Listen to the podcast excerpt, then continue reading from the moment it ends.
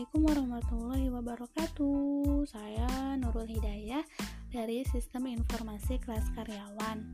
Nah, dalam mata kuliah e, Organisasi dan Arsitektur Komputer, di sini saya akan sedikit menjelaskan tentang CPU yang berada di materi pertemuan ke-8. Nah, apa sih CPU itu? CPU itu adalah singkatan dari Central Processing Unit yang merupakan komponen terpenting dari sistem komputer yaitu komponen pengolah data berdasarkan instruksi yang diberikan kepadanya. Nah, dalam mewujudkan fungsi dan tugasnya, CPU tersusun atas beberapa komponen. Yang pertama ada ALU atau Arithmetic and Logic Unit. ALU itu bertugas untuk membentuk fungsi-fungsi pengolahan data komputer. Nah, atau ALU ini e, sering disebut mesin bahasa atau mesin language karena bagian ini mengerjakan instruksi-instruksi bahasa mesin yang diberikan padanya. Nah, ALU di sini terdiri dari dua bagian, yaitu unit aritmetik dan unit logika boolean, yang masing-masing memiliki spesifik tugasnya sendiri. Yang kedua itu ada control unit. Nah, control unit ini bertugas untuk mengontrol operasi CPU dan secara keseluruhan untuk mengontrol komputer sehingga terjadi sinkronisasi kerja antar komponen dalam menjalankan fungsi-fungsi operasinya. Uh, yang termasuk dalam tanggung jawab unit kontrol adalah untuk mengambil instruksi-instruksi dari memori utama dan menentukan jenis instruksi tersebut. Dan komponen yang ketiga yaitu registers. Registers ini adalah media penyimpanan internal CPU yang digunakan saat proses pengolahan data. Nah, memori register ini bersifat sementara biasanya digunakan untuk menyimpan data di saat diolah ataupun data untuk pengolahan selanjutnya. Dan komponen yang terakhir yaitu CPU interconnection. Nah, sistem koneksi dan bus yang menghubungkan komponen internal dan bus-bus eksternal CPU. Nah, komponen internal CPU-nya itu adalah ALU, unit control, dan register-register sedangkan komponen eksternal CPU-nya yaitu sistem lainnya seperti memori utama dan piranti masukan atau keluaran. Lalu fungsi CPU.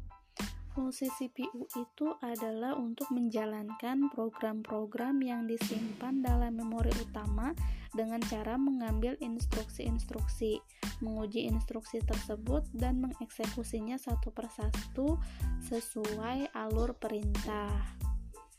Nah, dalam sederhananya, proses eksekusi program adalah dengan mengambil pengolahan instruksi yang terdiri dari dua langkah, yaitu operasi pembacaan instruksi atau fetch dan operasi pelaksanaan instruksi execute. Nah, siklusnya itu pada setiap siklus instruksi, CPU awalnya akan membaca instruksi dari memori. Nah, terdapat register dalam CPU yang berfungsi mengawasi dan menghitung instruksi selanjutnya yang disebut program counter atau PC. Nah, setelah itu PC akan menambah satu hitungannya setiap kali CPU membaca instruksi. Nah, instruksi-instruksi yang dibaca akan dibuat dalam register instruksi atau IR. Instruksi-instruksi ini dalam bentuk kode-kode biner yang dapat diinterpretasikan oleh CPU, kemudian dilakukan aksi yang diperlukan. Nah, aksi CPU-nya itu CPU memori, yaitu perpindahan data dari CPU ke memori atau dari memori ke CPU. Nah, CPU dan I.O. yaitu perpindahan data dari CPU ke modul I.O. dan sebaliknya.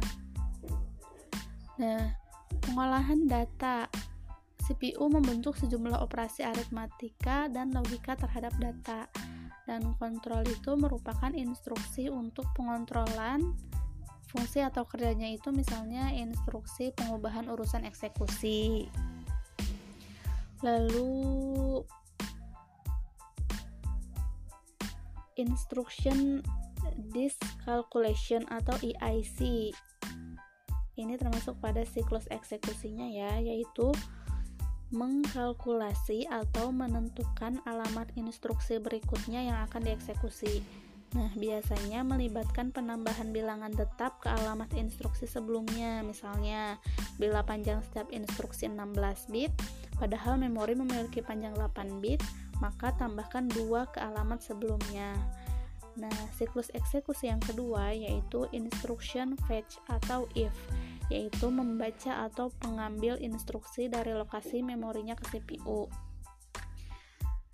Selanjutnya ada instruction operation decoding atau IOD, yaitu menganalisa instruksi untuk menentukan jenis operasi yang akan dibentuk dan operand yang akan digunakan.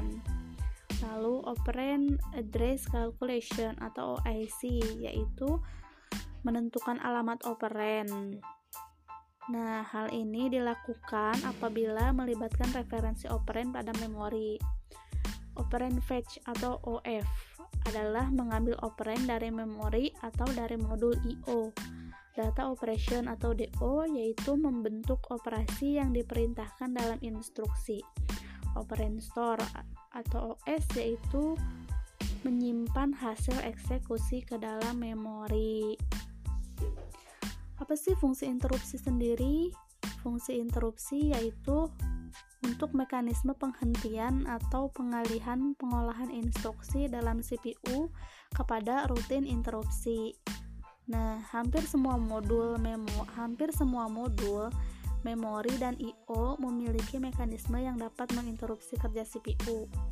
Nah, tujuan interupsi ini sendiri yaitu secara umum untuk manajemen pengeksekusian rutin instruksi agar efektif dan efisien antar CPU dan modul-modul I/O maupun memori. Setiap komponen e, dapat menjalankan tugasnya secara bersamaan, tetapi kendali terletak pada CPU. Di samping itu, kecepatan eksekusi masing-masing modul berbeda. Atau tujuan interupsi sendiri hanya dapat sebagai sinkronisasi kerja antar modul. Nah, hmm, kelas sinyal interupsi yaitu program yaitu interupsi yang dibangkitkan dengan beberapa kondisi yang terjadi pada hasil eksekusi program. Contohnya aritmatika overflow, pembagian nol, dan operasi ilegal. Kelas sinyal interupsi yang kedua yaitu timer adalah interupsi yang dibangkitkan pewaktuan dalam prosesor.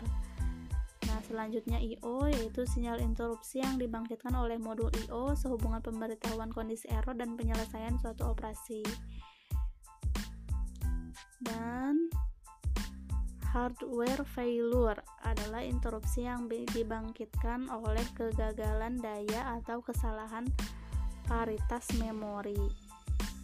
Nah, proses interupsi ini sendiri yaitu dapat digunakan untuk mengeksekusi instruksi-instruksi lainnya. Saat modul telah selesai menjalankan tugasnya dan siap menerima tugas berikutnya, maka modul ini akan mengirimkan permintaan interupsi ke prosesor. Kemudian, prosesor akan menghentikan eksekusi yang dijalankannya untuk menghandle rutin interupsi. Setelah program interupsi selesai, maka prosesor akan melanjutkan eksekusi programnya kembali. Nah, saat sinyal interupsi diterima prosesor, ada dua kemungkinan tindakan, yaitu e, interupsi diterima atau ditangguhkan dan interupsi ditolak. Nah, apa yang dilakukan prosesor ketika interupsi ditangguhkan? yaitu prosesor menangguhkan eksekusi program yang dijalankan dan menyimpan konteksnya. Tindakan ini adalah untuk menyimpan alamat instruksi berikutnya yang akan dieksekusi dan data lain yang relevan. Dan prosesor menyeter menyetel program counter ke alamat awal rutin interupsi handler. Lalu apa sih pendekatan interupsi ganda? Nah, ada dua pendekatan. Pendekatan ini disebut pengolahan interupsi berurut. dan sekuensial menolak atau tidak mengizinkan interupsi lain saat suatu interupsi ditangani prosesor. Setelah prosesor selesai menangani suatu interupsi, maka interupsi lain baru ditangani. Nah, pengolahan interupsi bersa bersarang yaitu mendefinisikan prioritas bagi interupsi. Interrupt handler mengizinkan interupsi berprioritas lebih tinggi di tangan terlebih dahulu. Nah, kurang lebihnya itu materi yang bersangkutan dengan CPU atau Central Processing Unit. Untuk kekurangannya mohon maaf. E, hanya itu yang bisa dijelaskan. Wassalamualaikum warahmatullahi wabarakatuh.